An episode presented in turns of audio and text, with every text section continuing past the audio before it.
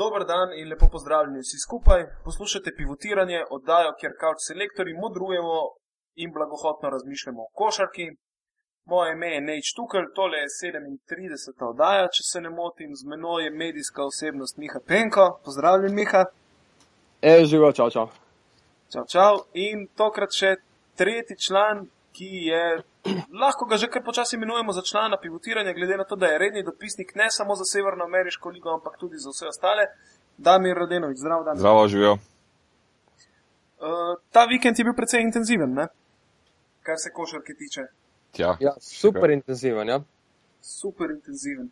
Dajmo se zaustaviti za začetek tam, kjer se je včeraj zvečer končalo, to je v Beogradu, kjer sta se pred uh, nekako presenetljivo, ne morem reči, polnimi, niti praznimi. Več gledalcev je bilo, kot sem mislil, glede na to, da sta se pomirili sredi Beograda dve hrvaški ekipi, ki sta si izborili pravico nastopanja v Euroligi. Zdaj, mene osebno je zadeva zelo močno presenetila, verjetno ne edinega, lih sem razmišljal o tem, da ne glede na to, kako visoka kvota bi bila na stavnicah, je verjetno ne bi vplačal za razplet takega finala. Kaj vidno mislite o tem? Ja, generalno gledano bom jaz rekel, da so favoriti bili tukaj zakleti. Ne? Niti na eni tekmi favorit ni zmagal, se pravi tako v obeh polfinalih, kot tudi uh, kasneje v finalu. Uh, in to je še en dokaz, da so ti zaključni turniri četverice lahko zares nepredvidljivi. Če še potegnemo eno sporednico z lanskim zaključnim turnirjem četverice v Euroligi in tudi predlanskim, se je zgodilo nekaj podobnega. Uh, namreč, da je Olimpijakos dobil dve, dve zapored. Mm. Mislim, da moramo iti tekmo po tekmo. Uh, se pravi, najprej oba polfinala, pa pol, da še kakšno rečemo o velikem finalu in se si že samo menil, da je, da je razplet sila, sila bil nepredvidljiv. Evo, dajmo se tako zmeniti. Tebi prepustim prvo polfinale zvezdo, drugo polfinale pa mislim, da nam lahko zelo dobro predstavi Damir kot oseba, ki je objektivno umešana v tako. v redu. V redu, malo me boste cvrli, dobro. ja, kar se tiče prvega polfinala, uh, zveza je začela izredno, izredno slabo. Mislim, da je šlo tudi malo za mogoče kanček podcenjevanja. Uh, vsi so jo že videli na nek način v velikem finalu, oni so dobili sezono, uh, mislim, da štirimi porazi bili na vrhu po rednem delu, ampak ko začneš na takšen način, se pravi, da ne zadaneš nekaj metov za tri točke, ko nasprotnik začuti to kri, ko začuti strah, ki so ga pol košarkari zvezde imeli, uh, se lahko zadeva hitro začne obračati v drugo smer. Ena Cibona je igrala izredno ekipno, homogeno, postavljena je neka hierarhija v moštvu. Vedelo se je, katere so njihove najboljše strani, s to mečo psono so prisilili Crveno zvezdo, Uh, mogoče v igro, kjer ni bila najboljša že tekom celotne sezone, se pravi pri metu za tri točke, sicer je Crvena zvezda, ko je Jenkins dobro metal z razdalje, bila izredno nevarna, tokrat pa trojka ni stekla. Mene bolj kot to, da je zvezda metala trojke, mislim, da 2-32, ja. moti to, oziroma mi je, mi je malce nenavadno, da je sploh uspela zmetati 32, 32 trojk ob takšnem odstotku meta za tri točke. Se pravi, da niso imeli neke mere. Uh, ko pa pogledaš tekmo, si enostavno videl, da druge rešitve skoraj da niso imeli. Oni so grešili tudi zicerje, mete iz pol razdalje. Edini koše, ki so konstantno dosegali, so bile proti napadi, oziroma so bili proti napadi Jake Blažiča. Že takoj na začetku tekme in v bistvu skozi celotno tekmo je on edini, ki je prepoznal možnost oziroma rešitev, kako napasti igro Cibone v, v obrambi. Nelson, Jenkins, uh, pa tudi ostali, tudi Tadej Dragičevič, mislim, da je imel nič štiri, uh, so imeli dobesedno leseno roko. Žoge so letele tudi mimo obročaj za tri točke na odprtih metih, kar je v bistvu kar ena velika katastrofa. In ko se je ta nervoza naselila, mislim, da oni več niso potem našli v prvi vrsti svoje igre. Malce mi je bilo tudi nenavadno, da ni Simonovič dobil več priložnosti, ker velja za, za nekega košarkera, ki zna zadeti za tri točke. Ampak na koncu, ko pridemo, je pač uh, enostavno s tako slabim metom za tri točke, mislim, da tudi skoraj ne mogoče uh, premagati kogarkoli. Čeprav je Cibona imela to možnost, oziroma uh, Crvena zvezda v zaključku tekme imela napad pri zaostanku dveh točk, pa je Jenkins napravil še eno izmed mnogih neumnosti na tej tekmi, sploh poleg Nelsona in žogo enostavno na mesto Blažiču podal v, v prve vrste same, same arene. Ne. Zdaj, to, da je stopal Dario Šarič, je bilo jasno vsem, uh, da je pokazal več kot fantastično predstavo, ne glede na to, da je skozi celotno sezono oziroma po tistem polovičnem razpadu Cibone bil vodja ekipe, postal vodja ekipe in tudi na zaključnem turnirju četverice bil briljanten, z eno besedo. Sigurno, ja. uh, recimo, dosti se je tudi očitalo tukaj, da uh, normalno, po takih tekmah se zmeraj trenerji očita slabo vodenje. Nisem še slišal, da se v, takem primeru ne bi uh, trenerji očitalo, da je pač šalobajzersko vodil ekipo. Ne? Ampak, uh, Radomiču so tukaj predvsem učitali, pač, da uh, nekako uspeva naseljevati svojo paniko tudi med igralce. Tukaj pa mislim, da je že prišel tudi malo do izraza ta neizkušenost uh, Radoniča na tem nivoju ob tem, da so bili v vlogi. Čakaj, Radovič ima za sabo kar neki Final Four, ne? žal pa samo pol finala. Ja, ne samo to, to, nima Final Four, ker bi mogoče imel takšno vlogo, kot je imel pri, pri Crveni ja. zvezdi, ker si porazen nismo imeli privoščiti. Tudi Slame Rimac na drugi strani v sodelovanju uh, slovenskim nekdanjim centrom, ne? Uh, nista imela kot par posebnih izkušenj kot, kot trenerja z, z Golemcem, ampak niso bili pa v vlogi favoritov, oni so se prišli igrati, kot je Rimac dejal, pripeljal sem jih, da se igrajo košarke in to mi je na koncu tudi uspelo. Radonič pa jih je pripeljal, zdi se mi pod nekim posebnim pritiskom, z nekim čudnim vodenjem, ampak toliko o tem, da je najboljši trener v, v ABA ligi. Ne? Ja, to je ravno ja. pred tekmo dobil tudi to priznanje. Ja, še ena neumnost, da se priznanje v bistvu delijo pred zaključnim turnirjem, ker ker zaključni turnir očitno ne, bi pomenil nič. Ne? Kar je sicer v primeru Ava lige po eni strani res. Finale praktično ne pomeni nič, ker zmagovalec finala ne dobi nič. Ne? Razen prsta. To je po mojem edina liga. Ali pa ena iz zelo, zelo redkih lig v, v Evropi ali pa v svetu, kjer je polfinale bolj pomembno od finala. Zdaj, evo, če eh, tukaj malo preskočim, pač, eh, po prvem večeru je eh, malo mal žlepo. Uh, je, se je ogromno ljudi, pred, predvsem navijačev Partizana, nekako z naslajanjem oglasilo. Ne? Evo, ko vas je, džaba vam novci, moji sinovci, ne? kot se je že izrazil Džože Balaševič enkrat. Uh, naslednji dan se je pa zgodila podobna zgodba, v, v katero tudi sam v bistvu nisem verjel. Nekako bil sem prepričan, uh, da, da Partizan je pa le ima izkušnje z tekmami pod pritiskom da Dule je že toliko krat vodil eh, svoje neizkušene klince v tekme s pritiskom in da tekme, ki se morajo dobiti, jih je Partizan praviloma tudi dobival. Uh, Damir, kako si ti doživel, videl to tekmo? Ja, jaz bi drugače povedal. Ne. Stvar je tem, da če smo gledali dvoboje CD-vite in Partizana v rednem delu sezone, ne, potem kdorkoli je mislil, dobro, noben ni mislil, da bo to lahka tekma za 30 razlike, ker to knor, mislim, da noben, ki spremlja košarko, ni. Ampak glede na te tekme, te dve tekmi v rednem delu se je že videlo, da tekma bo v vsakem primeru težka. Uh, Partizan je na nek način dobil še dodatno dozo pritiska, ko je Crvena zvezda izgubila. Ne glede na to, da pač vsak klub za sebe, ne every man for himself, uh, je ta pritisk tak, da dejansko oni morajo zmagati, zato da dobijo tako, tako se je še zmeraj mislilo pred finalom, da dobijo tako lahkega nasprotnika v finalu in se potem v finalu sprehodijo skozi pač to ligo in, in jo osvojijo. Ne? Zato je ta pritisk bil velik. Um, zdaj, kar se tiče pa same, samega uh, pritiska tekme in koliko je tukaj Vojoševič recimo navajen teh eh, tekem, predvsem iz Eurolige in tudi nekateri igralci. Bi pa omenil tudi uh, eno drugo stvar. Na tekmi, ki se je mimo grede popolnoma zasluženo končala v koristi devite, pa vendar zelo srečno, ker drugače ne moreš ja. karakterizirati zmago kot srečno, če možakar iz devetih metrov iz dvokoraka zadev, ne? za zmago trojko.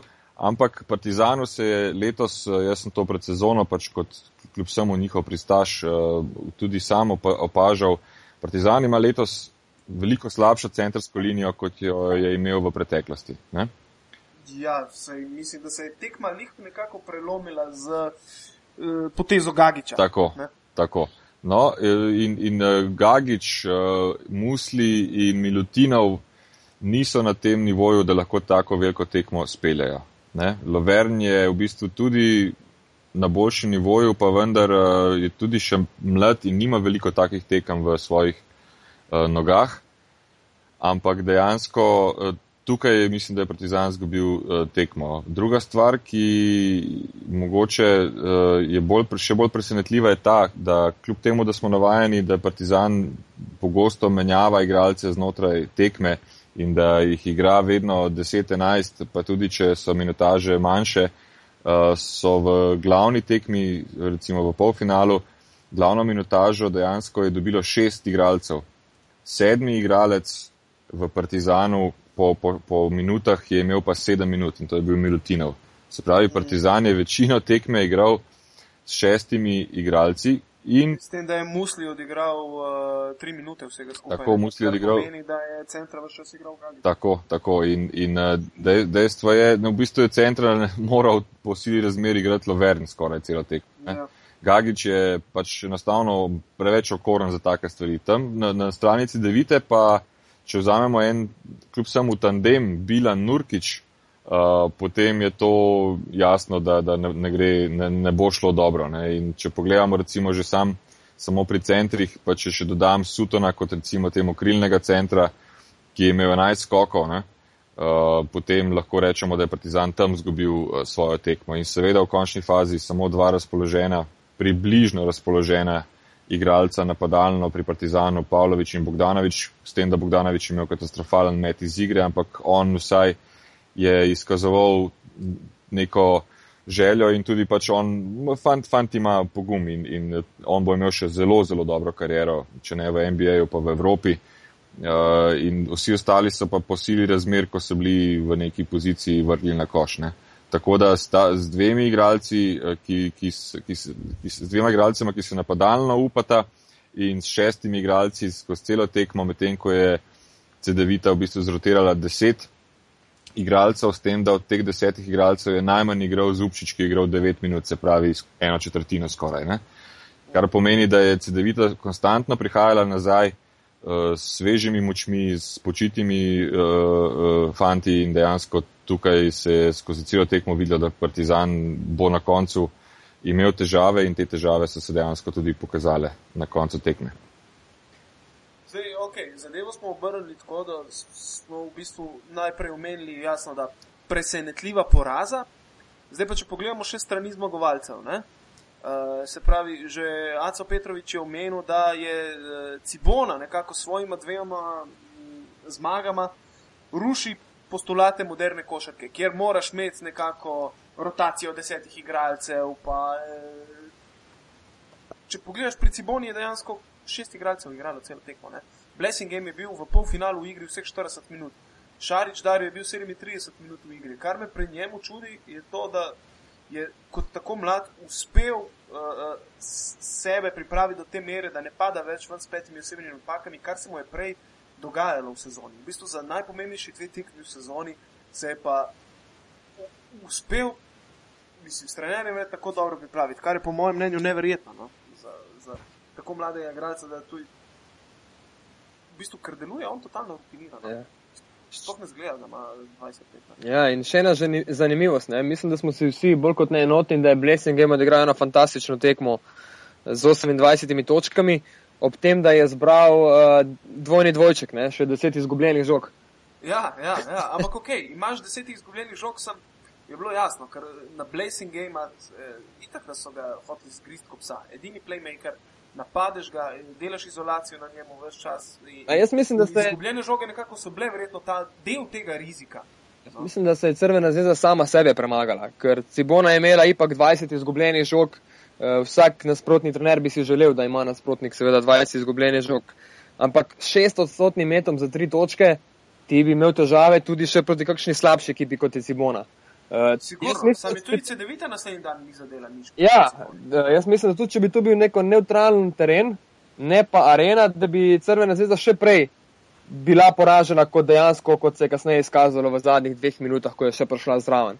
ko je že zgledalo, da bomo videli preobrat. Ja, v bistvu. Ja. Se pravi, da če bi to bilo neko igrišče, ko, ko ne bi imela te domačega terena prednosti, pa vseh teh navijačev, da bi se že prej enostavno vdali in tekmo brez večjih težav in komplikacij izgubili. Čeprav tudi tako niso, niso neke realne možnosti, zdi se mi niti menjeno na, na tem obračunu. Zdaj pa, če bi še eno, ja, povej, povej. Ja, jaz bi tukaj mogoče še eh, suma sumarom glede polfinalnih dvobojev uh, povedal še par stvari. To, kar si omenil glede AC Petroviča, da so porušili postulate moderne košarke. Uh, jaz nisem trener, pa tudi nisem uh, uh, igral na visokem nivoju, pa tudi nisem končal ne vem kakšnih šol trenerskih, ampak mod, moderna košarka, postulat moderne košarke je, da zmagaš. Uh, to je zelo preprosto. Ali, ali, ali, ni bil ta odzmiraj, ali se ne spomnim? Ja, ne, ne nič, nič bolj, se ravno, to, ravno zato sem to rekel, ne, to, to je moderna ali pa staromodna košarka. Vse je moderna košarka, lahko se mi pogovarjamo o nekih smernicah in o fiziki, ki je pač danes popolnoma drugačna in tako naprej. Ampak ali igraš z 12 igralci, pa zgubiš, ali igraš s 6 igralci, pa zmagaš. Trener igra s tistim, kar mu je dejansko dodeljeno, če se malo izrazim po, po, po karaško, take karte, kot imaš, s tistim igraš. Ne? Ja, v, v košarki pač edina možnost je samo, da še ne priješ na tekmo, pa zgubiš pač 20 niča, ne? ampak drugače igraš s tem, kar imaš. In Rimac je bil dovolj pameten, da pač ni objokoval neke situacije, ker noben ne želi igrati tekmo šestimi igralci, to je res. Ampak je rekel, potegnili bomo iz tega uh, maksimum. Ne? Ja. Eh, dejansko je to bila glavna, glavna stvar, ki je naredil. Tako da jaz ne bi rekel, da so oni nekaj ekstra premaknili, ne? ker uh, tako dolgoročno nikakor ne, ne, ne bi šlo. To, to je dejansko Cibona je izvedla en desant Juriš v dveh tekmah in je pač ta Juriš uspel. Sem, ja, ne samo v dveh tekmah, v bistvu odkar igrajo s šestimi igralci, nekako igrajo. Ne? To je pol sezone. Ja, Zdaj igrajo tudi uh, zelo enostavno, ne na pogled. Sigurno, samo uh, pri, pri Ciboni še nekaj drugega bilo uh, vidno. Ne? Oni so dejansko dali uh, Šariču 26 krogov, uh, da se pripravi na potencijalno, če pridejo na Final Four, da tam zablesti.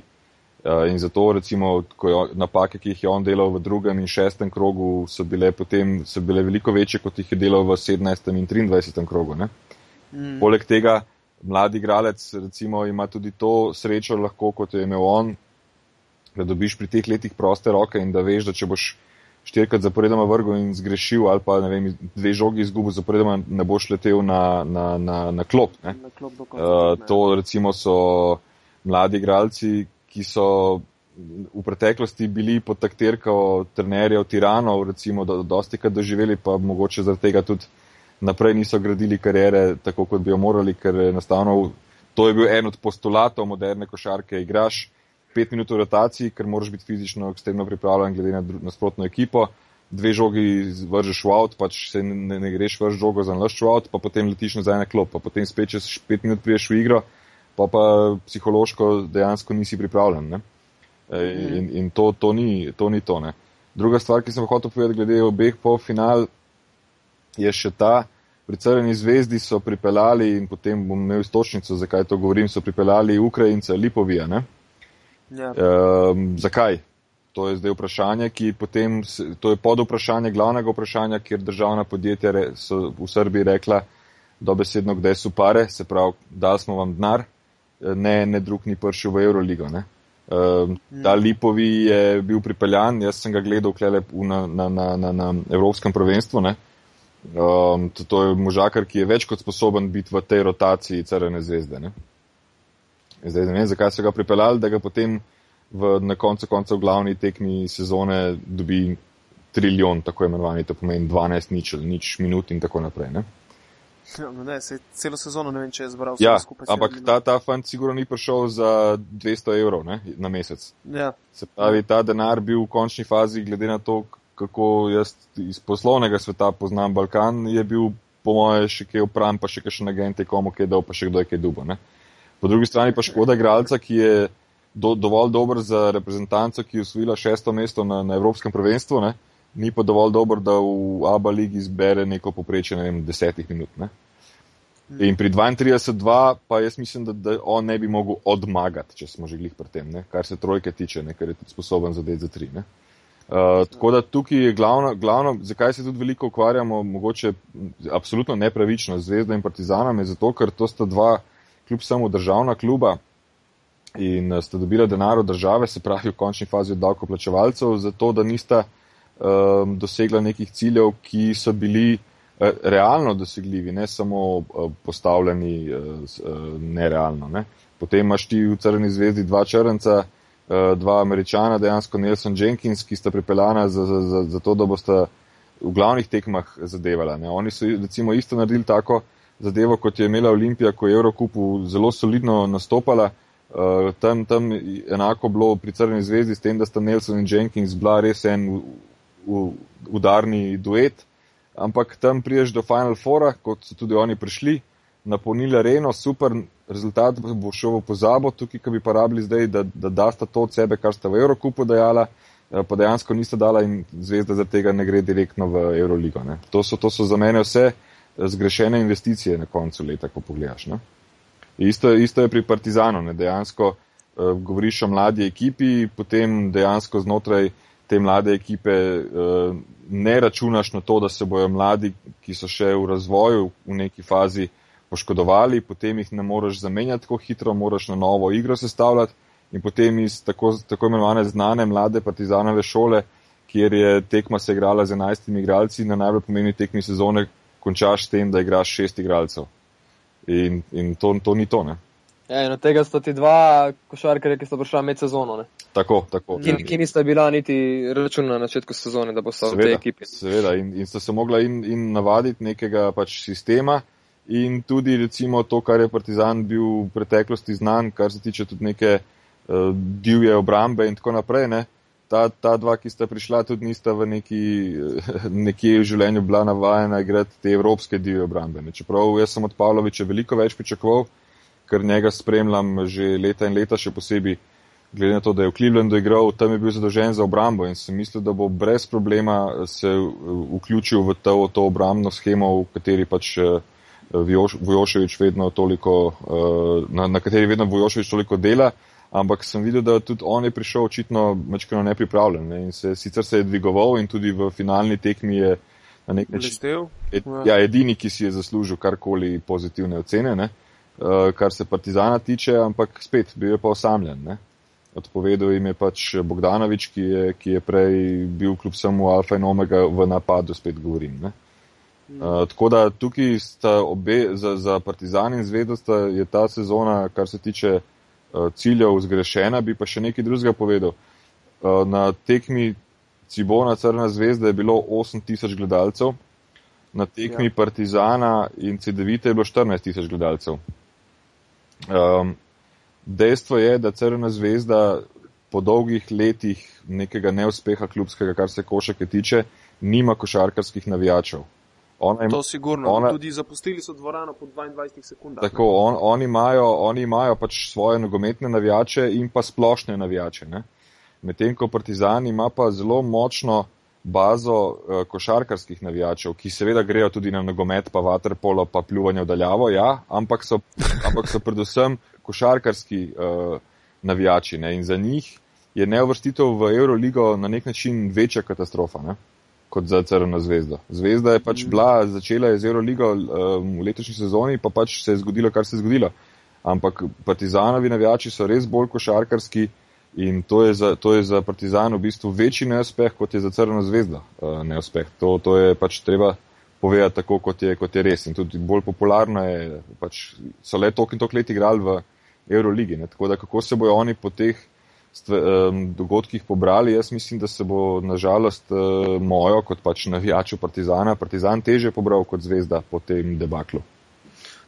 Zdaj pa, če še tle dodam, ne vem, če ste bila kaj pozorna, uh, zvezda ima skozi kvalifikacije, se pravi popravni spit, uh -huh. uh, da se uvrsti v, v Euroligo. V Euroligo to je seveda vse prej kot lahka, lahka zadevščina, osem zelo, zelo težkih ali pa dobrih klubov nastopa ponovadi, letos bo mislim, da nekaj drugače. Eno se vrsti v, v Euroligo in če so lani bili tukaj leto v Sritas, uh, Himki, Banvit, in še nekatere druge ekipe, pol vemo, da jo čaka težka naloga. Ampak poleg tega, ne, glede na to, da se zdaj zelo aktivno dogovarjajo za, za organizacijo teh, tega kvalifikacijskega turnirja v Beogradu, je še ena zadeva in sicer zvezda lahko ob določenem razpletu ostalih državnih prvenstv celo direktno pride v, v Euroligo, v Euroligo drugo leto. Uh, Nadaljuj. Ja, ja, pač imamo ekipe, ki imajo A licenco, ki so, se pravi, ja. imajo zagotovljeno mesto in je par pogojev, možnost je verjetno še manjša, kot da Cibona ponovi uspeh v ABA ligi v prihodnji sezoni z isto ekipo, ampak obstaja to možnost. In sicer, da v finale v Španiji pridejo, to so namreč pogoji.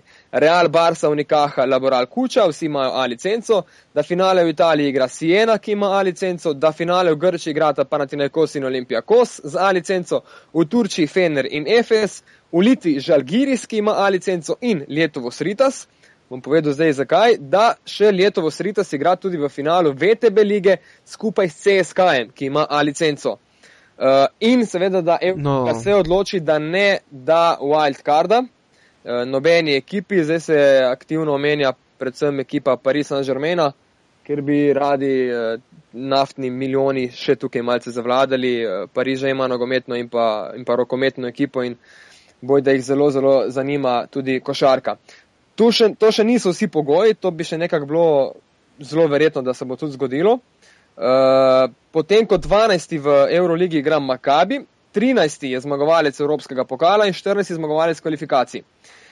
Uh, to so torej ekipe, ki sigurno igrajo. Potem ostanejo mesta, ki grejo po tem sistemu, uh, v katerem je tudi ABA liga uvrščena. Se pravi, Prvo mesto dobi prvak Španije, drugo prvak VTB, potem Italije, Turčije, Litve, Grčije, sedmo mesto uh, francoski prvak, osmo nemški, deveto prvak Aba lige, torej Cibona, deseto mesto prvak Polske, enajsto mesto drugo vrščeni v Aba ligi, torej Cedevita. Enajsto, ja. Dvanajsti je potem finalist v Španiji, trinajsti finalist VTB-ja in če grem tako naprej, še finalist Italije, Litve, Turčije, Grčije, Francije, Nemčije, pridem do 20. mesta, kjer igra tretja ekipa ABA lige, to pa je zaradi, uh, ker se ne igra tekma za tretje mesto, je potem Crvena zvezda kot tretjo vrščena, ki je mhm. bila prva v prednjem delu in je ta 20. Ta 20. mesto rezervirano za tega tretjega oziroma, kako ne rečemo, ABA lige, no, tretjo ekipo ABA lige. Ampak kot sem prej napovedal, da vse tisti iz A licenco morajo biti v teh finalih oziroma osvojiti določena prvenstva. Malce zapletena zadeva, verjamem, da ste si težko zdaj zapomnili vse, kar sem povedal. Ampak... Ja, meni je predvsem je bila zanimiva una zadeva, da mora v finalu v TB lige igrati letu v Sritas z CSK Moskvo. Ja, ker če, se, ker če bo Žalgiris prvak doma, ne? Potem ja. pride finalist v litovskega prvenstva kot 16. naprej. Ne? In finalist kot VTB lige, ki je to spet ekipa, ena in ista ekipa, je tudi pred tretjim v ABA ligi, ne? po tej lestvici. No, jaz bom pa tako rekel, veš, uh, kakšne so možnosti, da se točno ta scenarij zgodi. Uh, možnosti so take, popravi me, če, če, če sem pravilno si zapomnil. Uh, Unikaha Malaga ima licenco, ne? Ja. ja. Uh, katera je bila Unikaha Malaga lansko leto v španskem prvenstvu? Po rednem delu. Izven osmega. Devet, deveta je bila. Deveta, ja. Ne? Se ja, pravi, hočem to povedati, da je, da je večja težava za Partizan pa zvezdo je pridobitev licence, ker zdaj, zdaj sem jaz obrnil ploščo, mogoče, ali pa sem jo popeljal malo naprej ta pogovor, bodočnost. Ne? Dejstvo, dejstvo je nekaj drugega. Tudi če se za vse razne slamce ljudje ujamejo, ne, se v končni fazi, se že zdaj vemo, da bo Cibona mogla ne vem kaj narediti, da bo sploh dobila, da bo sploh igrala v Euroligi. Ne. Uh, dejstvo je, da je največja težava ABA lige so te prostori, kjer se to dogaja. Mi imamo uh, v, na teh prostorih dobesedno, kljub samo bom tako povedal, od Triglava pa do Vardarja, ne, je dovolj kvalitete, da se zberejo solidne ekipe, ki igrajo lahko Euroligo. Ampak nobena od ekip nima urejene finance. In kot vem, je, je Bartolomeo zadnjič v Beogradu rekel, da pod A hočejo popularizirati uh, košarko spet v nekih krajih, kar sem jaz osebno zelo proti, ampak vseeno v nekih krajih, kjer pač še ni tako razvita in je potem govoril, da Srbija uh, nima nobenih težav s tem in da lahko gladko preskočijo leto dve Eurolige zaradi tega. To je seveda bilo vse v podtonih, ampak mislim pa, da je ta zadnji in ta glavni podton je bil pa ta, fantje, vi te klubi nimate urejenih financ in dokler ne boste imeli urejene finance, uh, dolgoročno ne boste dobivali A licence, če pa nimaš A licence, je pa vsako leto posebej je ko, konec ABA lige in se takrat začne razglabljati, kdo gre pa letos v Euroligo in kdo ne. ne. Tako da jaz. In še eno stvar je povedal. Ne morete živeti na stari slavi. Seveda. Seveda, samo stara slava je pa dejansko danes, eh, nova slava je pa veliko bolj pogojena z denarjem, kot je bila stara slava. To je glavna stvar. Nego šta? Ne? To, to, to, ko je bila Bosna evropski prvak, pa trikrat Igoplastika, pa dvakrat Cibona, pa enkrat Partizan, da imamo to pomisl, da, da so oni usvojili v 12 letih sedem naslovov evropskih prvakov in to izključno samo na talent, tehniko, znanje pa tudi kakšna moč je bila vmes, nikjer pa ni bilo denarja. Ko so se pa razni ladjari, pa, pa razni gradbeni mogoci pojavili, so se začeli, so začele pa pretombacije in so najprej vse te ljudi iz teh jugoprostorov pobrali, da so jih postavili kot glavne figure po najmočnejših evropskih klubih, potem so jim dodajali drugo delovno silo in potem to z denarjem tako plačevali, da so prišli dejansko do teh eh, lovorik in zato je ostala stara slava. Stara slava bo pa nažalost, glede na ekonomsko situacijo, še enkrat se ponavljamo, tri glava do Vardarja, ekonomska situacija je taka, da ali licence tukaj zlepa ne bomo videli. Če, če, če, najbližje pa še to je samo, so, so, so, samo sanje, še najbližje bi temu bi bila, bi bila CD-vita. Ja, zdaj, ja. Okay. Ker CD-vita, recimo, kaj jaz tudi, tudi uh, sem dosti krat moral razlagati ljudem, ja, veš, Partizan je inštitucija, pa Cibona je inštitucija, pa Zvezda je inštitucija, pa tam je pa umetni klub. Ne. Danes v športu umetni klub, edini klub, ki dela tisto, kar je prav, za svoj denar se po svoje zafrkavajo. Medtem ko vse inštitucije se pa za državni denar zafrkavajo. In kadar, ja. kadar jim uspe prideti v uh, top 8 Eurolige ali pa tako, kot je Partizano 20 uspel prijeti na Final Four, Jaz tudi nisem dva dni spal, ker sem pač njihov navijač. Samo, kje so bili tisti privatniki, ki so vložili v to delovno silo in potem dobili nek uspeh? CD-vita, pa kljub vsemu je, tudi če je umetni klub, se za svoj denar zafrkava in ali so drugi, kot so sedaj bili, ali so zadnji, eh, davkoplačevalci na nek način, vsaj direktno, nima nobene zgubene. To pa, če, je, če gremo spet nazaj tudi na, na, lahko na, za en stavek na Olimpijo, to pa, da Olimpija tukaj krevsla po nekih tretjih mestih v državnih prvenstvih, pa, pa je pa zgubila Euroligo, pa Eurocup ni šlo naprej, pa tako naprej, pa zato za denar, ki ga dajo državne firme, ki se pač eh, dogovarjajo. Eh, po svoje to pa tudi ni prav. Ne. Jaz bolj privoščim enemu kljub vsemu umetnemu klubu, pa naj začne to svojo tradicijo, če bo le peljal dolgo časa, to je spet drugo vprašanje, ampak vseeno. V Turčiji je polno nekih klubov, se je zdovc v Gaziantepu v klubu, ki obstaja koliko? 12, 13, 15 let. Tazga, ja, ja. let Tako da to, to je to, A licence, ABA liga nima ligaša, ki ima A licenco in to, je, bo, to bo večni problem ABA lige. Vsako leto se bomo šli, tako kot je Miha vrhunsko pripravil eh, material, da, da točno se ve, kdaj, pod katerim pogojem bo šla zvezda not, kdaj bo šel ta not, kdaj ta ne bo šel not. Uh, to bo vsako leto tako, dokler ne bojo urejene finance in dodeljene licence, A licence, kjer boš ti vedel za nekaj leto naprej, kaj se dogaja. Ja, me pa zanima jih to, ki ste omenili, ne, z uh, Cibono, če se bo sploh uspela sestaviti. V bistvu po eni strani grozno, da se že na, na dan zmage Cibone smo se začeli o tem pogovarjati. Ja, kaj pa bo Cibona naslednje leto v Euroligi? Ne? Sam, eh, dejansko to ni žlehto vprašanje, dejansko je legitimno na mestu. Zdaj je vprašanje, ali bojo ta klub s tradicijo in tako naprej sestavili za to Euroligo, ali je boljše, da se zdaj pač odnehaj, dokler si na vrhu, ne bomo več vlagali to zadevo za primo štacuno in zajebi vse skupaj. Radikalno pač gledano.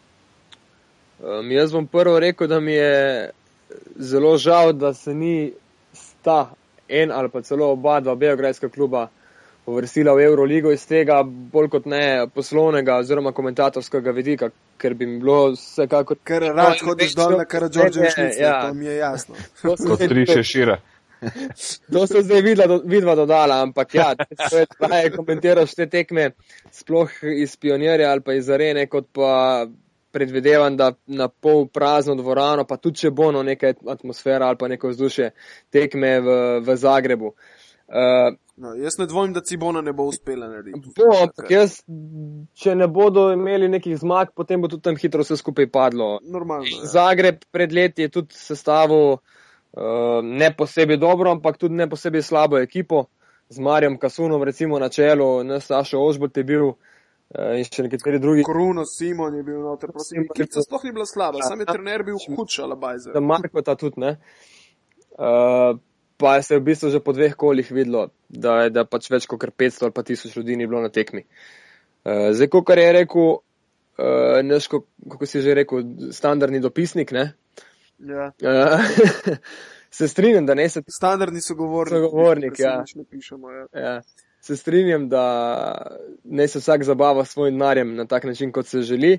Nisem pa posebej optimističen v pogledu na to, kako se lahko odreže v prihodnji sezoni Cibona v, v Euroligi, sploh če bo prišlo tudi neke, do nekega razpusta ekipe ali pa vsaj večjega dela teh šestih igralcev, ki so še ostali v prvi vrst- vrsti, verjetno Darja Šariča. In to tudi, če bi prišel nek nov kapital v klub, je težko, težko nadomestiti na takšen način, na- da bi se to tako popeljalo.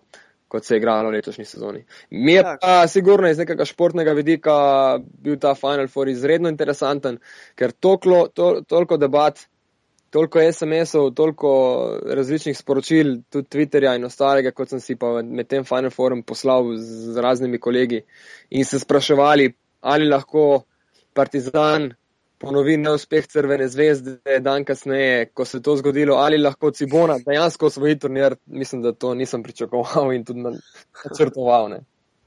Ja, jaz mislim, da kar se Cibone tiče, um, to, to, to je zdaj težko ugibati, ampak recimo kako delujejo tudi neke gospodarske razmere uh, v teh krogih. Uh, sedaj bojo sigurno oni znotraj kluba poskušali iztržiti ta uspeh uh, znotraj okvirjev svoje države. Ker znotraj okvirjev svoje države velike firme so še zmeraj, bom rekel, državne, bojo prej ali slej potrkali na vrata državnih firm.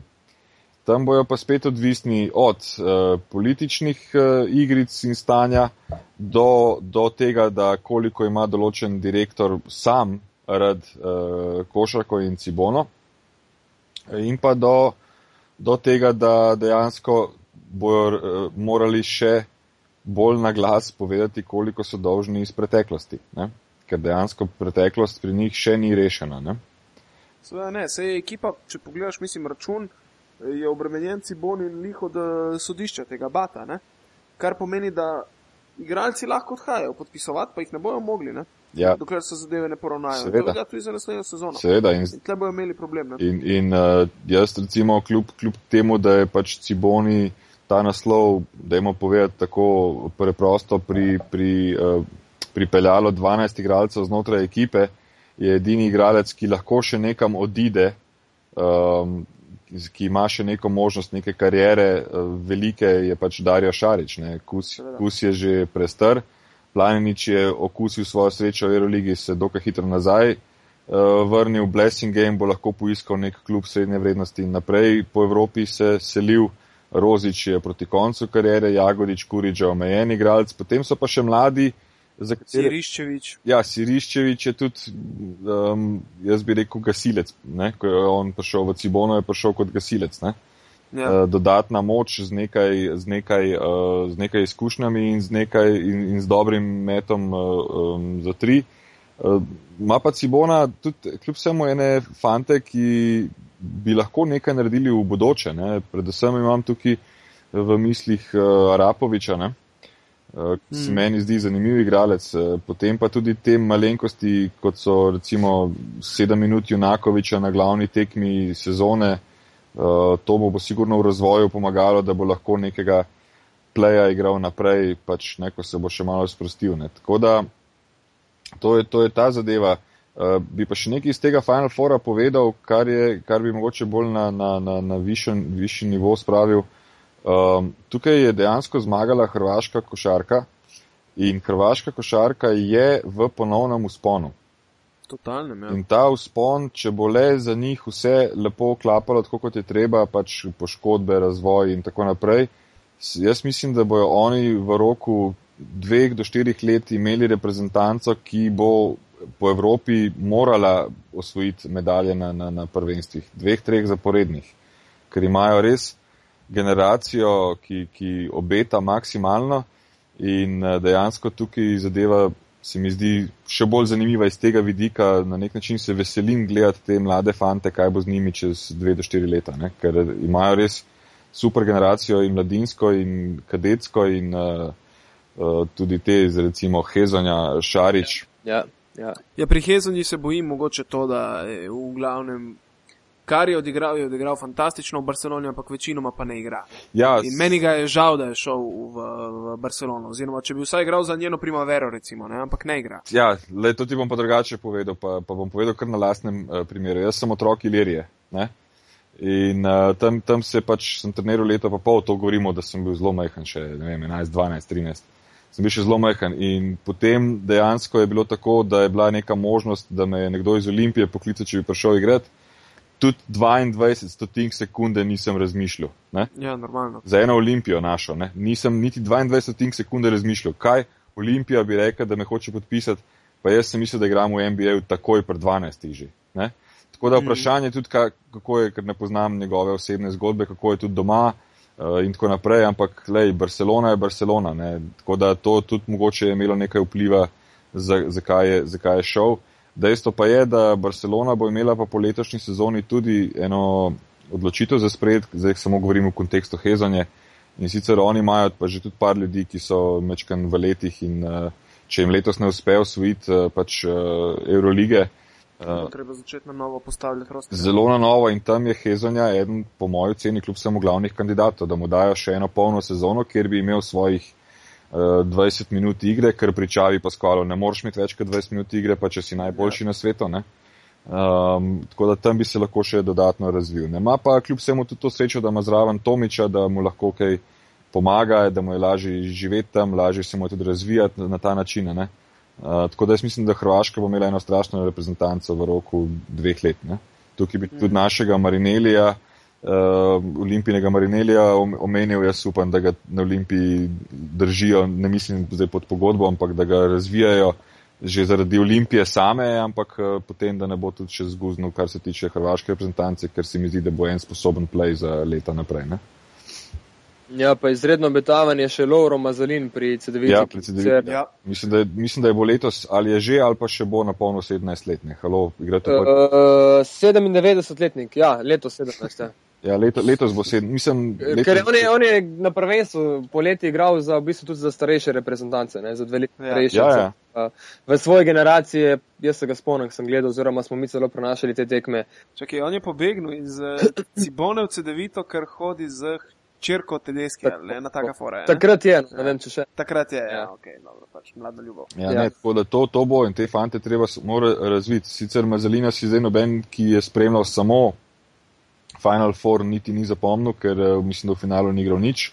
Ne, Ampak ne. Um, fant je igral v sezoni in to je bil ne, ne samo tiste zadnje 12 sekund, ki je tekmo odločena, ampak eh, je tudi če, vsake toliko časa prišel v rotacijo, kar je res velik uspeh za. za Ker današnja košarka je vseeno mečkano drugačna. Časi Dražena Petroviča, ki pač pri 15 letih igral takrat najmočnejši amaterski ligi na svetu, uh, Eh, danes trenerji toliko lovijo rezultat, ker je toliko denarja v vprašanju, da dejansko mladih igralcev eh, redko kdo jih še razvija. Vsi samo kar dobijo, tako kot sem rekel na začetku, karte in s temi kartami vsaka uprava reče, mi mislimo, da smo sposobni usvojiti Euroligo, čakaj mal ti se v Aba ligi boriš za, za obstanek, kakšna je Euroliga. Ne? Eh, in potem mlade, mladi se mi zdi, da so prevečkrat zapostavljeni. Zdaj, če, če bo kdo za Mazalina poskrbel, bo pač repe še ta čas poskrbel, dokler je CD-viti, da se bo mali razvijal naprej, se mu je v interesu, ker mu je v reprezentanci lahko. Mm. Mm. Ja. Okay. Uh, veš, kaj lahko še dodamo, ne? da je tudi letos, tako kot lani, prvo vrščeni po rednem delu v ABA ligi izgubil polfinale. Ja, izvisel, uh, da bo ABA liga za prihodne tri sezone dobila bolgarskega predstavnika.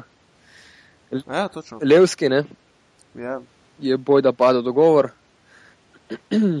Ja, s tem, da jaz sem pa imel, kot si ti prej rekel, kako je bilo letos, Miha, ki si rekel, kako je bilo zanimivo, s kolikimi novinarji si govoril glede uh, tega, kaj se dogaja v četrtek, petek in tako naprej, kdo bo koga premagal. Jaz sem imel pa nekaj tvitev, ki sem jih sam uh, dobil, kako je nefer sistem in tako naprej. Jaz se tukaj samo delno strinjam. Zakaj? Zato, ker sistem, prvo kot prvo, jaz potrjujem, da je nefer, ne? da si ti prvi po rednem delu, pa na koncu dobiš nič od vsega skupaj. Uh, je dejansko res uh, nefer. Ampak po drugi strani pa, če bi ta sistem se uvedel pred dvemi meseci, pa bi bili vsi presenečeni, bi rekel, ok, to res ni fer. Ne. Samo kakršni koli sistemi so, se postavljeni, preden se sezona začne in takrat vsi, vse ekipe vejo vnaprej. Ja, in, in to potrdijo. Ja. In ti se moraš temu, prvo kot prvo potrdijo, katerikoli izvršni odbor, ampak drugo kot drugo, ti skozi sezono moraš igrati na to. Let, lansko leto je Partizan. Razen lani, ja. Lansko leto je Partizan v bistvu osvojil uh, na nek način nezasluženo ligo skozi pač Final Four, ampak oni so odigrali dve najbolj pomembni tekmi, kot jih je odigrala Cibona. Ne? Cibona je bila letos kera, tret, uh, četrta, ne? četrta. Pa, je, pa je prišla do konca. Zdaj, S tem, da lani se je koliko, tri, štiri kola pred koncem zvedlo, da vodilni, ja. ko je bilo že jasno, da bo Igokeja zmagala, da vodilni pač ne gre v Euroligo. Tako, dobro, tiste so še bile težave, težave ko Aba ni imela z Euroligo še dogovorjen, kaj in kako, ampak letos je bilo pa vse dogovorjeno, ne? Ja. Meni par, par ljudi mi je na Twitter napisali, ja, kaj pa dobi prvi uh, po, po rednem delu ne, v tej ABA ligi letos. Neko, letos so dobili domači teren. Domače greš. Domači teren s potencialno, poglej samo to, ko, je, ko so igrali uh, um, Eurocup, jih je prišlo 24 tisoč. Mm -hmm. Najbolj zagretih, ne vem kaj vse, super. Ne? Pre, zdaj jih je prišlo pa 8 tisoč na, na polfinalno tekmo, ki je bila pomembna. Ne? Kje, ste, ja. kje jih je 16 tisoč? Če si imel prednost domačega terena, zakaj nisi zainteresiral folk, da pride? Tvoj problem velja za Crveno zvezdo kot prvo. Se tudi v NBA-ju, kljub temu, da je playoff in to je bila edina stvar, ki sem jaz tudi se strinjal, v bodoče je potreben po moje playoff, ampak to so spet težave z sestavo urnikov, ker ABA liga ni edina liga, ampak so pa še neka državna prvenstva in pokali državni in tako naprej in tako naprej. Zdaj pa urnik sestavi, da se igra na dve zmagi, pa play, playoff, potem ne boš rekel štirje, boš rekel osem in tako naprej in tako naprej. Ne? To ni tako preprosto, po drugi strani pa kakršna koli pravila so, tudi če so slaba, so bila letos znana in po prvi, po prvi porednem delu, eh, kaj bi mogel dobiti, še dodatni pokal za prvega porednem delu. V NBA-ju ga ben ne dobi prvi porednem delu, noben pokal. Lahko si pa gor na na, v pionirju dajo zastavico prvi po rednem delu in Partizan in Zvezda, v kjerem koli letu sta bila prva, ne, po rednem delu. Pa veš, koliko imajo v NBA-ju, pa uh, Pacific Division Champion leta 2002, a si bil NBA prvak, ne, kdo si upal to zapomnil, kjer si bil. Ja. To, to ni fair ali ne fair, znano je bilo. In tudi v končni fazi Abba Liga je to prepoznala in za bodoče vidim, da se dogovarjajo, da bo drugačen sistem, ampak ne mi zdaj, Zato, in to se mi je najbolj. Ne, kukanje v takih situacijah je brez veze. In najbolj smešno mi je bilo to, da so začeli jamrati tisto sekundo, ko je sodnik odpisal konc tekme Cibona zvezda. Še med tekmo noben ni napisal, da ni fair. Zdaj pa lej, povej, boli me v srcu, ker je zvezda zgubila, v redu. Se me tudi boli, da je partizan zgubil, ampak lej, živi se naprej. Ne, ne mi pa govori, da neki ni fair. Ne, pač, to je, ti si si zagotovil svojo prvo pozicijo, si zagotovil četrtega v, v polfinalu. In ker si si zagotovil četrtega v polfinalu, si si ga v, v, na papirju zagotovil najlažjega nasprotnika.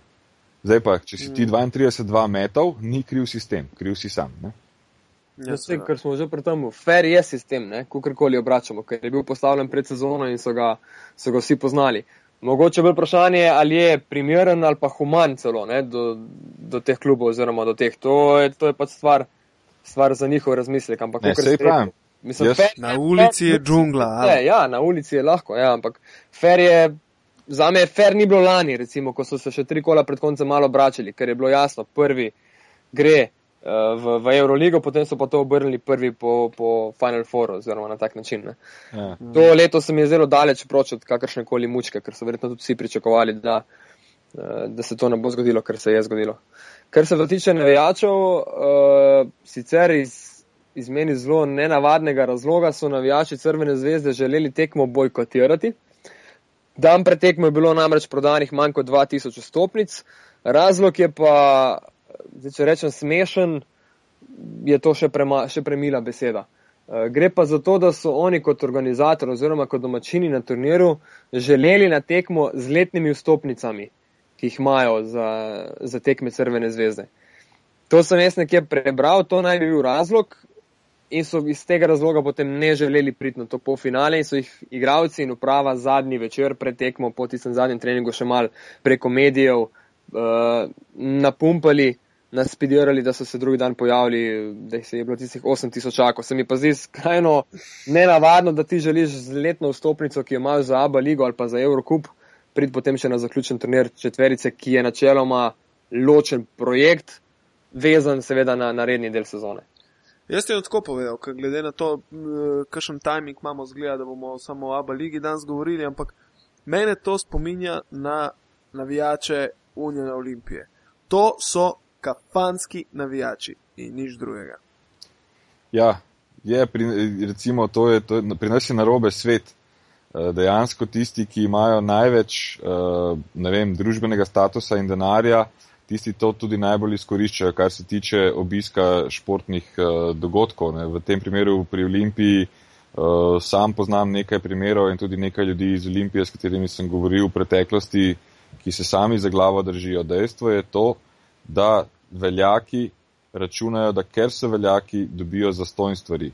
Ja. V tujini je to obratno, ti ravno s tem podpiraš tisto, kar greš gledati, da plačaš vstopnico za tisto, kar greš gledati, ne, da s tem podpreš klub in da lahko potem še večji veljak postajaš, ker si v CV veljaštva napišeš podpiram Unijo in Olimpijo s tem, da kupujem letno ložo, ki stane 2500 evrov, na pamet govorim, ne?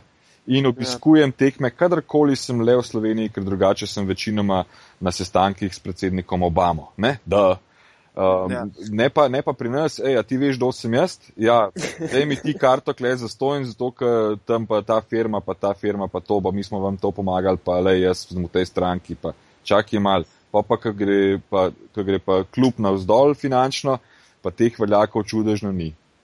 Ne, sej, točno to je zanimivo. Ne? ko je imela Olimpija svojo čudežno sezono pod Zdovcem, je, so bile ka, eh, karte za Euroligo, mislim, ko suho zlato. Ni se jih dalo dobiti praktično. Ne? To je folk po, po črpalkah, nenormalno, pa ne samo statusom ali brez statusa, seveda, normalno. Takrat je bila Olimpija popularna, zanimiva, vsak je šel. Uh, ampak ne vem, mene lih ta zadeva odbija. Ne? Jaz sem jih takrat, recimo, nehal potem kupovati, niti nehal sem se truditi s to vrstine. Ja. Rekel, ok, v redu, zdaj sem lahko za televizijo. Sem pa bil na tekmi, ko je, ne vem, lih uh, Džile bil odjeban kot trener in, in so zgubili doma po podaljšku z jebenim hemofarbom, ne vem. 104, 105, ko je potočnik vodil tekmo. Ja, ne? samo veš, stvar je v tem, da je. Sem bil pa med edinimi v dvorani, v Tivu. Ja, sam je stvar v tem, da to je mentaliteta in, in klub je tukaj soodgovoren, da to mentaliteto svojim, ne samo produktom na terenu, ampak eh, s svojimi vsemi možnimi akcijami, pa ne govorim zdaj o prodaji, pa ne vem čem, ampak ti moraš delati zgodbo in iz te zgodbe dobivati ljudi, ki hodijo na, na, na, tvojo, na, na, na tvoje tekme, približno ne glede na to, kakšen je rezultat.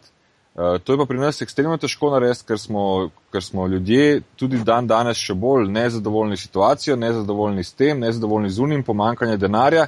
In pol jaz bi se šel sprostiti na tekmo Unijo Olimpije, ker imam rad košarko, tam pa meni en igralec eh, vrže vem, eh, čez obroč in zgreši tablo in jaz rečem, pejte se soliti in jutri me ni na, te, na tekmi več, da jo vidim. Ne. Mi tega nimamo usajenega v sebi.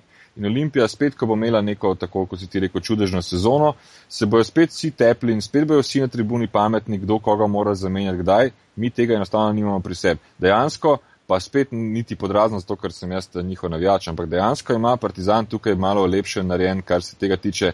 Sicer včasih gre meji na fanatizem, kar mi ni všeč, ampak oni imajo stalno publiko. Oni v ABA ligi po 3, 4, 5 tisoč ljudi pride na tekmo gledati, ne vem, široki breg.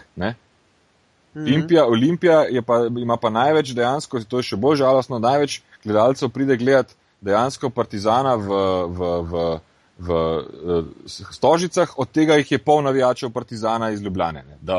Mislim, ja. nimamo te kulture. Kulturo, ta kultura se gradi pa skozi več nivojev. Prvo kot prvo, seveda, klub mora postaviti na parket nek produkt, se pravi, igralce, neko vizijo, drugo kot drugo, klub mora pač biti toliko in toliko v, v, v, v komunitiju, se pravi v skupnosti je aktiven, da, da, da saj recimo nove rodove privablja. Sej dobra stvar, ki jaz vidim v Stožicah, ne vem, če ste opazili zadnja leta, veliko je kljub samo otrok na tekmi. Ne? Tega včasih ni bilo, jaz se še stari čas v Tivoli spomnim, se mogoče tudi tega, ker so tudi stojišča, pa je še nekaj vrgel na parket, pa se pa otrok ni pelal, ampak te otroke treba zdaj negovati, čuvati in jih vzgajati za bodoče navijače tega kluba. Ne, ne gre drugače, če mislijo, da, bo, da, da bomo kdajkoli ven iz kafanskih uh, navijačev uh, prišli. Ne. Tako da to, to, je, to je ena zgodba, ki je večplastna, mislim, da danes niti začeti jo ne moramo, ker bi lahko bili še 7 ur. Ja, pa to ni problem samo košarke, to je tudi ostalih športov. Ne? Ja, seveda. No, samo košarka, košarka kot, en, kot en šport, ki je v Sloveniji, kljub vsemu priljubljen, v katerem smo Slovenci, kljub vsemu zelo dobri. Dajmo se pogledati, koliko nas je, ne? pa kaj smo dosegli do zdaj. Ne glede na to, da ne vem, pravijo, ni medalje, ni to, ni uno, ampak lej, smo pa res, kako rečejo, iznjedrili res same, same ase v tako majhni državi. Tako da še posebej govorim za šport, težko bi se zdaj opredelil, kako propelati več ljudi na vaterpolo. To, to, mi, to se mi zdi pa še večja uganka. Ne?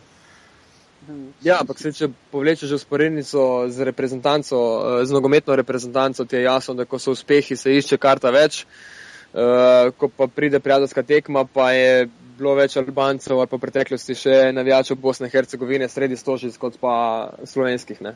Ja, samo tam, tam smo se tudi mi izkazali kot, kot uh, narod, ki bi se mogel malo zamisliti, zato ker jaz se spomnim recimo te prijateljske tekmene.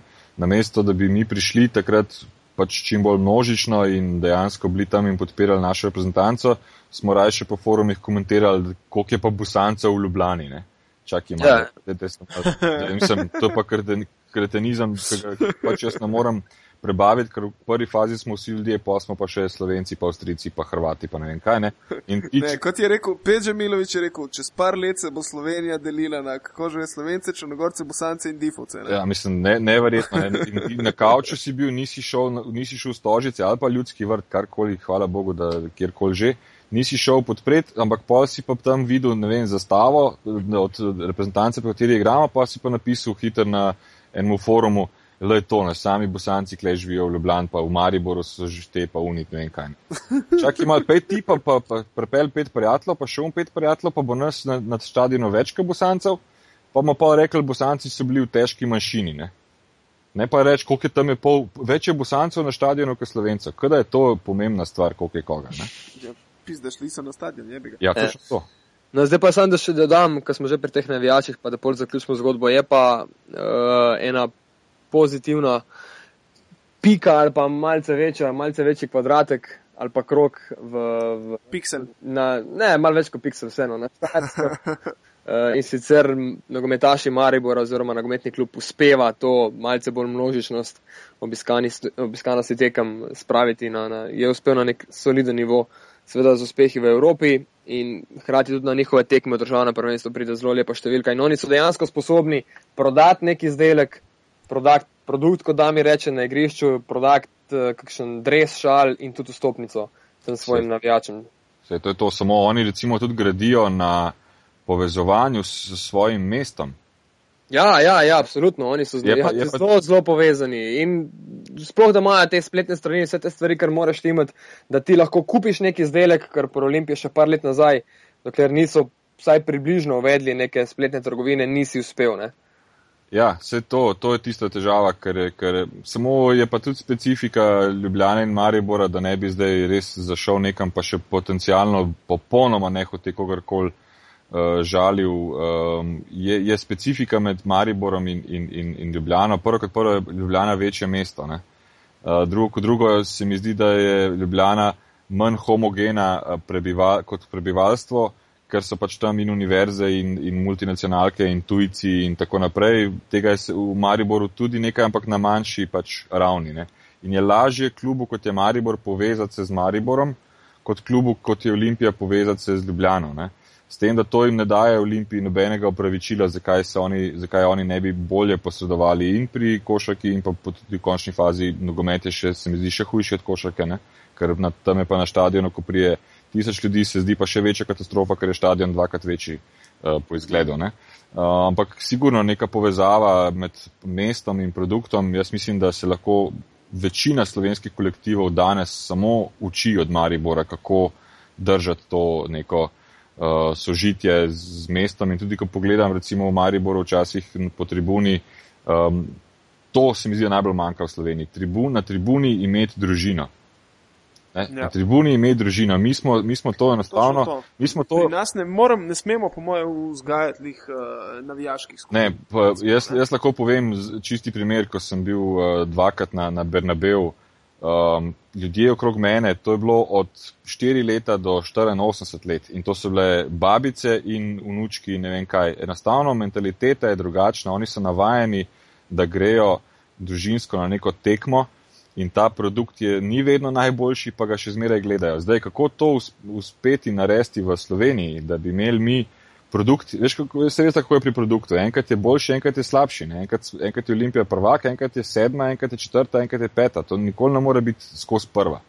Ampak kako to povezati, ti priješ na tekmo, ki je Olimpija četrta, pa da ti priješ na tekmo, ki je Olimpija, ne vem, igra za, za Euroligo, to je pa meni trenutno še uganka, ampak sigurno se pa mi zdi in menim, da se premalo s tem uh, pozabavamo v naših, uh, vsaj najbolj trofejnih klubih, ne pa v najbolj trofejnih v končni fazi ali pa najbolj množičnih športih, kjer je lažje pripeljati več ljudi na košarko, kot pa da zdaj si zadaš, res, kot sem prej rekel, na vaterpolo, zdaj bom pa na mesto 200 ljudi imel na tekmi 2000. Tisti, po moje, še teže misije.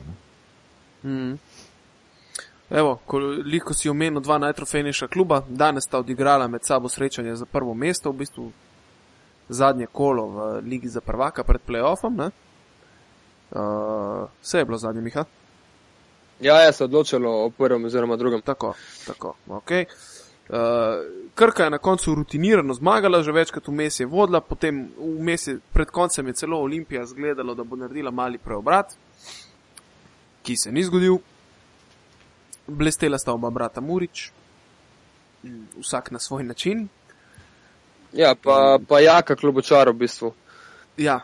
Spet za eno zelo dobro tekmo. Eh, v ključnih momentih na koncu je zadev tudi eno trojko, pa v bistvu kot playmaker. Njegova trojka je kar prelomila zadeva. Ja, pa kot playmaker odigral zadnje dve, tri minute na zelo dobrem nivoju. Ja, tukaj je ena težava, ki jo jaz vidim pri Olimpiji, predvsem. Oni so pa v državnem prvenstvu pokazali pa vsako tekmo drugačen obraz. In zdaj, če pridejo do nekega finalnega srečanja spet s Krko, uh, bomo lahko samo v kristalno kroglo pogledali, kako bojo igrali tekmo. Ker zgubiti od uh, tako imenovanih anonimusov, pa potem zgubiti od Heliosa za 14 točk, pa potem ga doma za 40 premagati, to je razlika 55 točk v dveh, treh tednih. Ja. In uh, Olimpija tudi proti Krki prva četrtina solidna, druga četrtina dobi 30 točk. Uh, Jacqueline Hyde, to, to na Olimpiji letos uh, v državnem prvenstvu bomo samo mogli seštevati, kdaj jim bo zneslo, kdaj pa ne. In to se mi zdi, da bo največja težava pri njih za, za ponovno, uh, za, za vrnitev na vrh uh, proti Krki, ostalim, klub, ostalim klubom pa niti ne dajem neke realne možnosti, da se lahko upletejo v boj uh, za finale.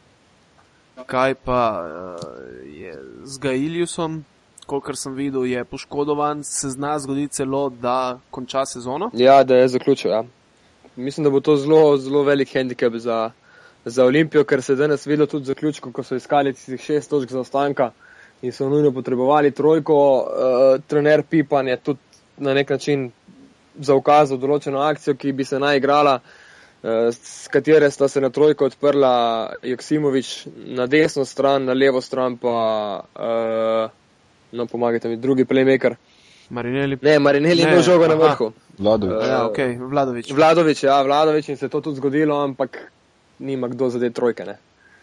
Čeprav čiste v zaključku in tle bi Gajlus prišel še, še kako prav. Na, ja. na tej poziciji. Ampak, ko si rekel, Damir, da, da igrajo vsako tekmo drugače, mene to niti ne čudi, glede na to, da se ne ve, kdo je njihov prvi play.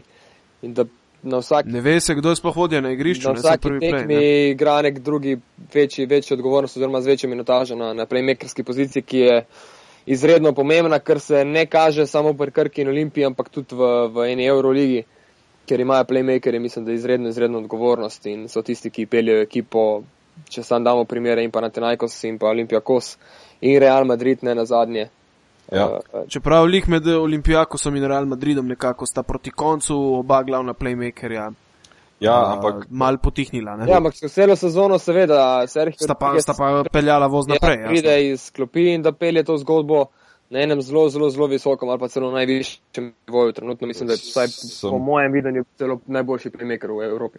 Ja, samo nec, tako kot sva, smo pred ene pol ure govorili, eh, postulati moderne košarke, dejansko je stvar v tem, da danes, če že samo najmočnejšo ligo na svetu pogledamo, to je Playmaker liga. Uh, Ja. 15, Ja, let ja, nazaj, 15 let nazaj je bila centrska liga, zdaj je to Playmaker liga in tudi Evropa, ki kljub vsemu hočeš nočeš caplja za ameriško košarko in išče nove vzvode, kako se približati ameriški košarki, dejansko je Playmaker liga. In če ti na tem mestu nimaš, Olimpija ima 18-letnika, 19-letnika ali pa oba 19 ali oba 20, ne vem kaj ne, in pa enega veterana, ki se bolj bori s svojim zdravjem kot pa z žogo, ne, um, potem seveda ekipa ne more um, imeti vizijo, kako pa kaj naprej. Ne. S tem, da se vsakič tako ali drugače vračam na Unijo Olimpijo, jaz bi mogoče to povedal, da je treba malo tudi Krko pogledati, kot, kot kljub vsemu sedaj ni drugače, ampak so prvi favoriti. Ne. Um, Sigurno. ima, ima ekstremno z, z, z Bečirovičem in Kukičem ekstremno izkušeno ekipo in uh, si tudi pri Krki včasih glede na te izkušnje malo načudim, da kakšno tekmo uspejo odigrati na določene načine. Jaz uh, s takima dvema igralcema ekipi, kot sta Hukič in, in Bečirovič, bi dobesedno vse tekme v tem prvenstvu moral pripeljati, um, razen seveda proti Olimpiji, mogoče zaradi naboja, če se koli drugega. Posebej, Čeprav lih tukaj nekaj ne štima, ne? lih na, na, na relaciji mislim, da Bečirovič trenera, karkoli. Zadnje čase se mi zdi, da Ja, jaz sem, jaz sem, jaz sem, slišal, jaz, sem slišal, jaz sem slišal celo drugačne stvari in sicer ne, strani, ne, ne v povezavi z Bečirovičem, ampak bolj v povezavi s uh, Hukičem, da so te treningi z st strani teh uh, veteranov nekaterih manj redni, da pač se tudi ne, uh, ne upoštevajo trenerje tako, kot bi ga morali in tako naprej in tako naprej. Tako da to sigurno če si pravi veteran, eh, profesionalc, potem moraš ti biti prvi, ne samo na treningu, ampak prvi v tem smislu, da ekipi daješ nek zgled in pa trenerju moraš kot veteran vedno čuvati hrbet maksimalno, zato da dobiš, ko bi temu rekel, da, da, da, da, da trener dobi the attention needed od ostalih igralcev v ekipi. Ne? Da trener, recimo, ko imaš rojca na, na pomembnem uh, delovnem mestu pleja, ne? rojc ima, da trenerju niti enkrat ne vpraša, zakaj. Ampak to, če rojc sam v sebi nima, imaš potem dva veterana, ki mu to zraven trenerja lažje ubijeta v glavo. Ne? In tukaj imajo Bečiroviča, tukaj imajo Hukiča in se mi zdi, da bi lahko mečkano manj tudi oni, vsaj v tem državnem prvenstvu, uh, nihali glede tega, kako igrajo tekme. Ne? Tako da uh, finale, če bo finale sploh med tema dvema kluboma, ampak verjamem, da bo, um, bo, bo zelo zanimiv, kako se bojo stvari odvijale, ker v obeh klubih trenutno resnično stvari niso niti blizu ne štima. nekim idealnim razmeram, kako bi morale biti. Ne. In pa tudi zdaj smo gledali cel vikend ABA ligo, ki pač je, je liga iz teh nekih prostorov, pa smo se danes vrnili na, na gledanje slovenske košarke, pa se mi je zdela kar kvalitetna razlika. No. Ja, ja, ja velik kvalitetni, Ne? kvalitativen prispevek. Pa ni, pa ni bil problem v, v pristopu, pa vse jaz tudi moram priznati, da oba dva brata Muriča rad gledam, zato ker uh, se mi zdi, da spet manjka nekih srčnih uh, fantov in ono, da sta oba dva srčna. Tudi ne glede, ne glede na to, da, da sigurno ni to kvaliteta raznih, uh, ne vem, bom rekel, Miličev, Nahbarjev in ostalih naših asov, ampak sta pa srčna, to ima pa nikoli ne moreš vzeti. Zelo borbena in tudi na koncu koncev se mi zdi, da pošteno delata svoje delo, kot ga pač eh, znata in za njih se ne bojim, da, da boste kljub vsemu v košarki naredila neke Nekaj karijere. naredila, Tako, ja. Ampak ostalo je bilo pa vse nekako tako. No. Nekateri se poslavljajo od karier, nekateri krpajo lukne, nekateri mogoče tudi kakšen mesec niso dobili plače, pa zato, ker niso dobili plače, vihajo nos in tako naprej. In tako naprej ne. Pozabimo pa še zmeri eh, to, da so zdaj za igralce eh, stvari nekoliko lažje, da pridejo do svojih prejemkov preko teh raznih uh, evropskih športnih razsodišč. Ne? Uh, in da ti, če ti plača zamuja tri mesece, pa si star 19 let, ma nima, da pisneš, razumeš. Če si dober, boš ti denar zaslužil, če pa nisi dober, te pa tudi te tri meseci ne bojo rešili lakote. Ne? Tako da jaz sem absolutno za to, seveda, da se plačuje redno in tako naprej, ampak glede na to, kako živijo te klubi, eh, se marsikdo, ki ne dobi plače dva meseca, pa glede na to, kako igra, pa kako viha nos, ne bi smel sploh oglasiti. To je recimo tudi eno od mnen, ki sem jih jaz nekako na igrišču za vohku pri kašni Krki in Olimpiji, čeprav se mi zdi, da Krka verjetno trenutno mečkam bolj redno izplačuje te zadeve kot Olimpija, čeprav, kukor je meni znano, se pri Olimpiji, ne glede na vse medijske napade, za katere mislim, da so pogosto, pogosto neopravičeni, se, se ta trenutna garnitura ljudi, ki so v Olimpiji, se zelo trudi, se zelo trudi in uh, la, najlažje je pluvati pa komentirati pa tako naprej če pa koga kaj vprašaš, pa malo pogledaš noter, pa ugotoviš, da so, da so v klubu zelo uh, prizadevni, da bi Olimpija spravila nekaj. Kar se organizacije tiče, so barna televizija proti vsem garnituram,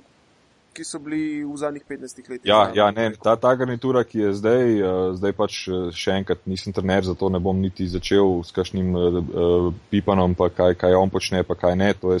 Ja, dobro, to je drugo, pips je druga ja, zgodba. Ja, ampak v klubu, v klubu, v klubu, verjemta mi, kot, kot imam jaz neke uh, informacije, kot sem jaz govoril z nekimi ljudmi okrog kluba, Uh, pa kot sem sam videl na lastne oči, trudijo se maksimalno. Karkoli prebereš nekje na nekem forumu, ta spoki, ti spoki, ti pojma nimaš, ni res. To so, to so ljudje, ki zdaj res držijo Olimpijo pri življenju in se trudijo. Tako da jaz ne bi, ne bi kar tako pavšalno rekel, ker smo pač navajeni te Olimpije, njihovega dolga in šalabajzrstva izpred toliko in toliko let. Ne? Da zdaj je pa še zmeri vse enako. Ni enako.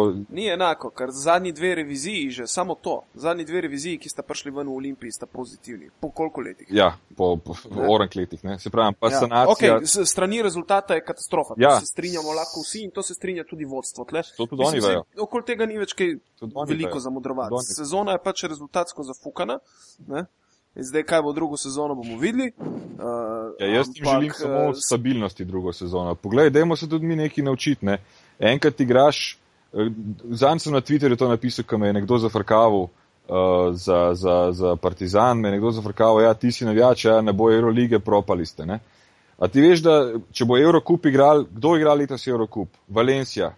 Halo, kaj pa narobe z Valencijo? Pa zakaj še zmeri navijači pridejo, pa zakaj še zmeri prodajo karte? Zato, ker so kljub, ker, ker, ker delajo, ker je vse jasno. Ne? Se pravi, jaz pričakujem, če Partizan igra Eurocup, da bojo že kar na začetku napovedali zmago. Ja, ampak hočem. Dovolj, dovolj bolestnih ambicij imajo. Hočem, to, hočem to povedati in za Olimpijo in za Krko. Pač zdaj ja. ne, ne igraš Eurolige, mogoče ne boš igral Eurocupa, mogoče boš igral samo Aba ligo.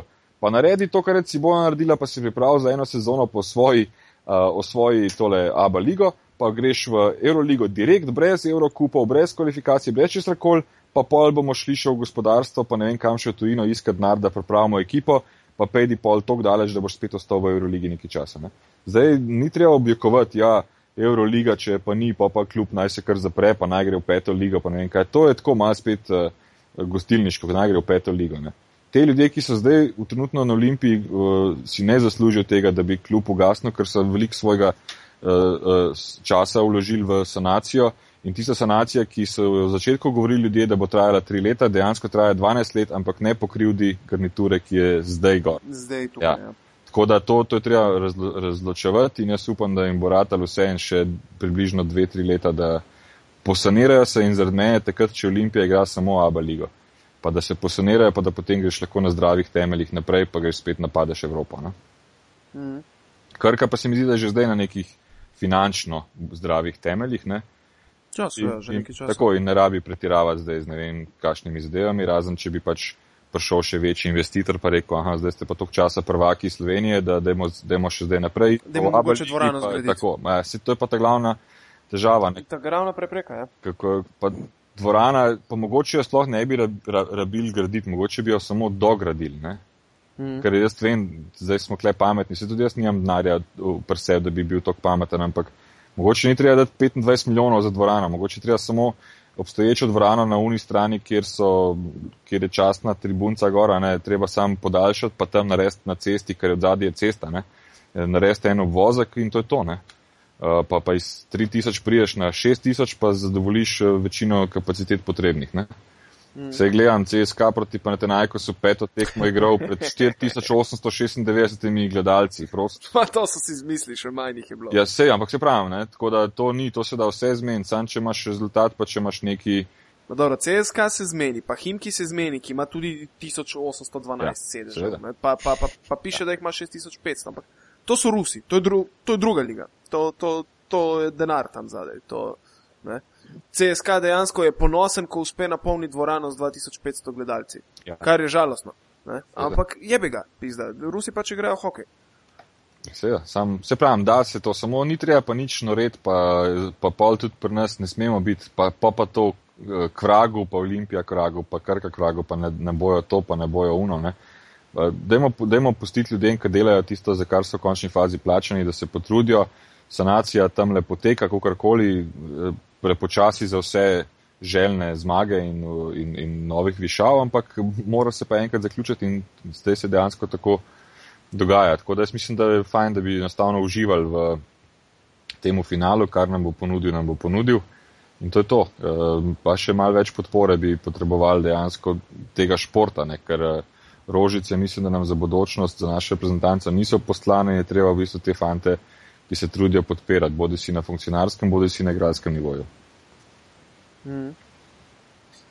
Miha, Ja, ko si že rekel, da je treba te igralce malo podpirati, je še ena vest prišla iz Olimpije, da je njihov mlad, mlad košarkar Blaž Mešiček pokazal zelo dobre igre in ite kakve. Ja. ja, in se že malo zanimajo za njega tudi. Baje, vsaj sodeč po, po izjavah njegovega agenta in v Milanu in v Boloni. Fant je letnik 97, že nekaj časa, v bistvu že celo sezono, pa tudi že lani je močno opozarjal na se. Uh, je pa dejstvo, da pač kljub sam po sebi, razen to, da ga prepriča s svojim sistemom ali pa z neko vizijo, ki jo ima, ne more narediti nič. Se pravi, nobena pogodba tukaj ne velja, nobena predpogodba, uh -huh. noben tak in drugačen džentlmenski dogovor ne pride poštev, tudi staršine, eh, tako da se dejansko lahko brez večjih težav zgodi Emir Sulejmanovič.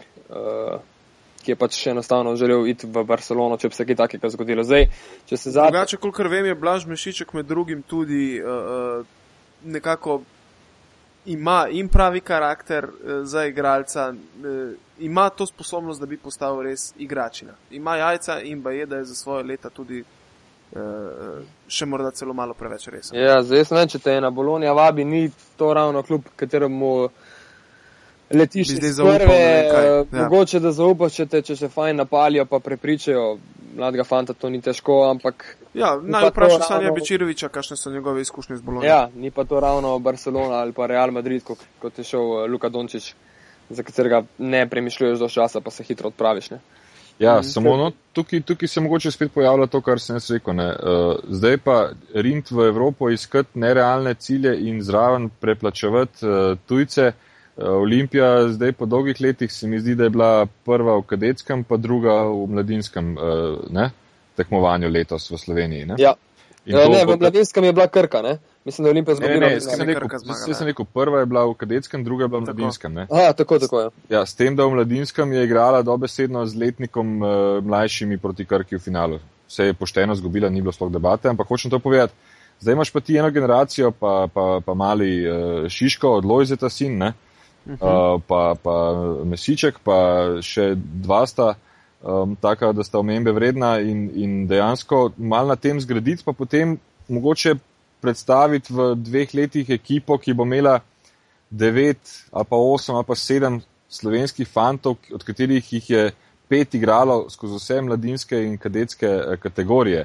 Dajmo, dajmo vedeti, da je Olimpija od Ernesta Novaka in Jake Daneva ni imela igralca, ki si bi ga jaz spomnil, da je v Euroligi dosegal dve točki, pa da je zrastel na Olimpiji. Ni imela igralca. Ernest Novak, mm. ki je bil moj soigralec, pa Jaka Danev, ki je bil eh, dejansko zelo pridan in marljiv in, in se mu je delala, kot imam jaz podatke in kot sem ga jaz fizično gledal, ker sem treniral v isti dvorani, je, je, se mu je delala velika krivica zaradi njegovega očeta.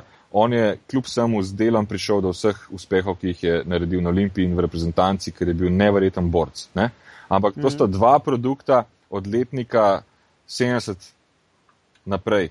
Halo, zdaj je spet čas po 30-40 letih, da, da tisto, kar, kar delajo trenerji, pa je zdaj tudi eh, štab uh, dober uh, na Olimpiji s potočnikom na čelu, ne mladinski in, in z drvaričem kot svetovalcem, ki le, vedno treba imeti starosto, ki kaj pomaga. Ne?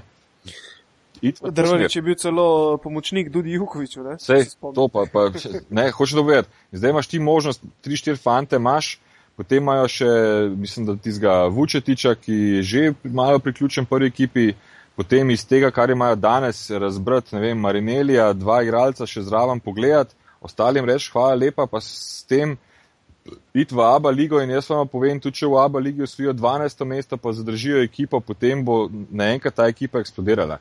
In, in ne boš drugače mogel, kot da boš imel sedem mladih slovenskih fantoč. Ne boš vsako leto na novo ekipo gradil. Popolnoma na novo in Olimpija potem se iz tega prime, že tudi če se sanira, bo pa spet eno leto rekla, zdaj bomo vrgli pa 18 milijonov na pamet, govorim, zdaj se hecam. 18 milijonov pa bomo naredili ekipo za Euroligo. Brez veze. Začnijo tam mladih, pa pa dodaj en košček po en košček. Ne. Jaz mislim, da se tega tudi oni uh, zavedajo in, in, in Pipan, ne glede na to, kaj lahko kdo kaj reče, Pipan uh, se, so tudi veliko slabši trenerji pri delu z mladimi, kot je Pipan, kljub samo, verjemta. Sigurno, sej. Da, ne, potem zadrži zelo dolgo pipano štango gor držali, to je dejstvo. Veš, zadrži, Šele proti koncu ja, ampak zadrži tudi eno stabilnost. Ne?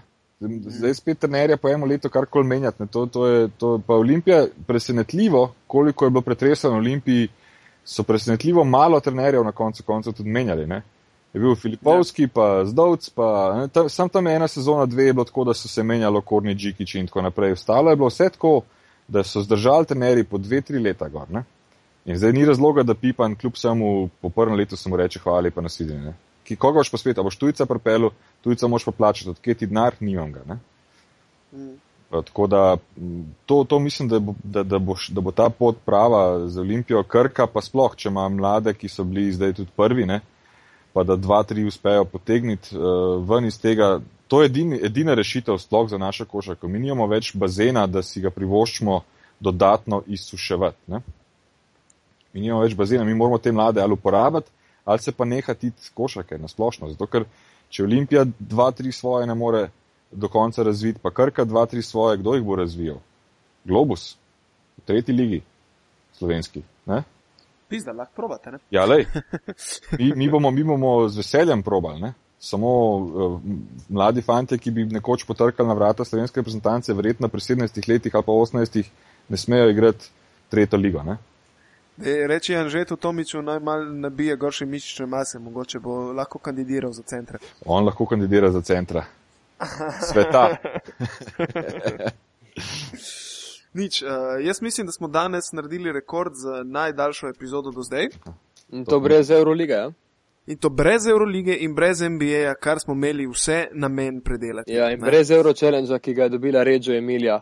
Za katero reče Emilija? Se spomniš, kako smo jo psovali? Fucking Reggio Emilija. Ja, kako je slaba zgledala proti Krki, da obesedno slaba. Ja, me je obupno izgledalo. Jaz sem rekel pred eno drugo tekmo skrko, da če še enkrat zgubijo z Reggio Emilijo, da to je nemogoče. Ja, ja. In so zgubili še enkrat in na koncu je Reggio Emilija še vzela Eurocelensko. da boljše, da res o, o prihodnosti do na pol. Jaz mislim, da počasi lahko kar nehamo snemati pizdaki, če poberemo te naše citate za nazaj, kakšne gluposti smo se uspeli reči. Ne? Enkrat bomo naredili kompilacijo samo gluposti, ki smo jih rekli in kako so šle narobe. Začenši z mojo ko je Olimpija izgubila s Cibono in so rekli, da je ne me jebati, ne Cibona se razpada, kot kurac se grejo. E, evo ti, evo ti. Yeah. Ja. Ima, ima take gluposti, kolikor hočeš. Ne? Ampak zato pa smo kafanska debata. No, ja, ampak bi pa samo še to omenil, ker smo rekli, brez Eurolige in brez NBA-ja, v NBA-ju se face-face kuhajo stvari, tako da to lahko prihranimo za eno oddajo naprej. Ne? Obvezno. Ja, sploh Obvezno. Uh, na rasistični osnovi. Ne? Ja, ne, ne, to sploh ne, jaz osredotočil se bom tako na košarko, eh, tako da to bo. Jaz se mal bojim za San Antonijo, no? ko Vince Carter me je zakisal.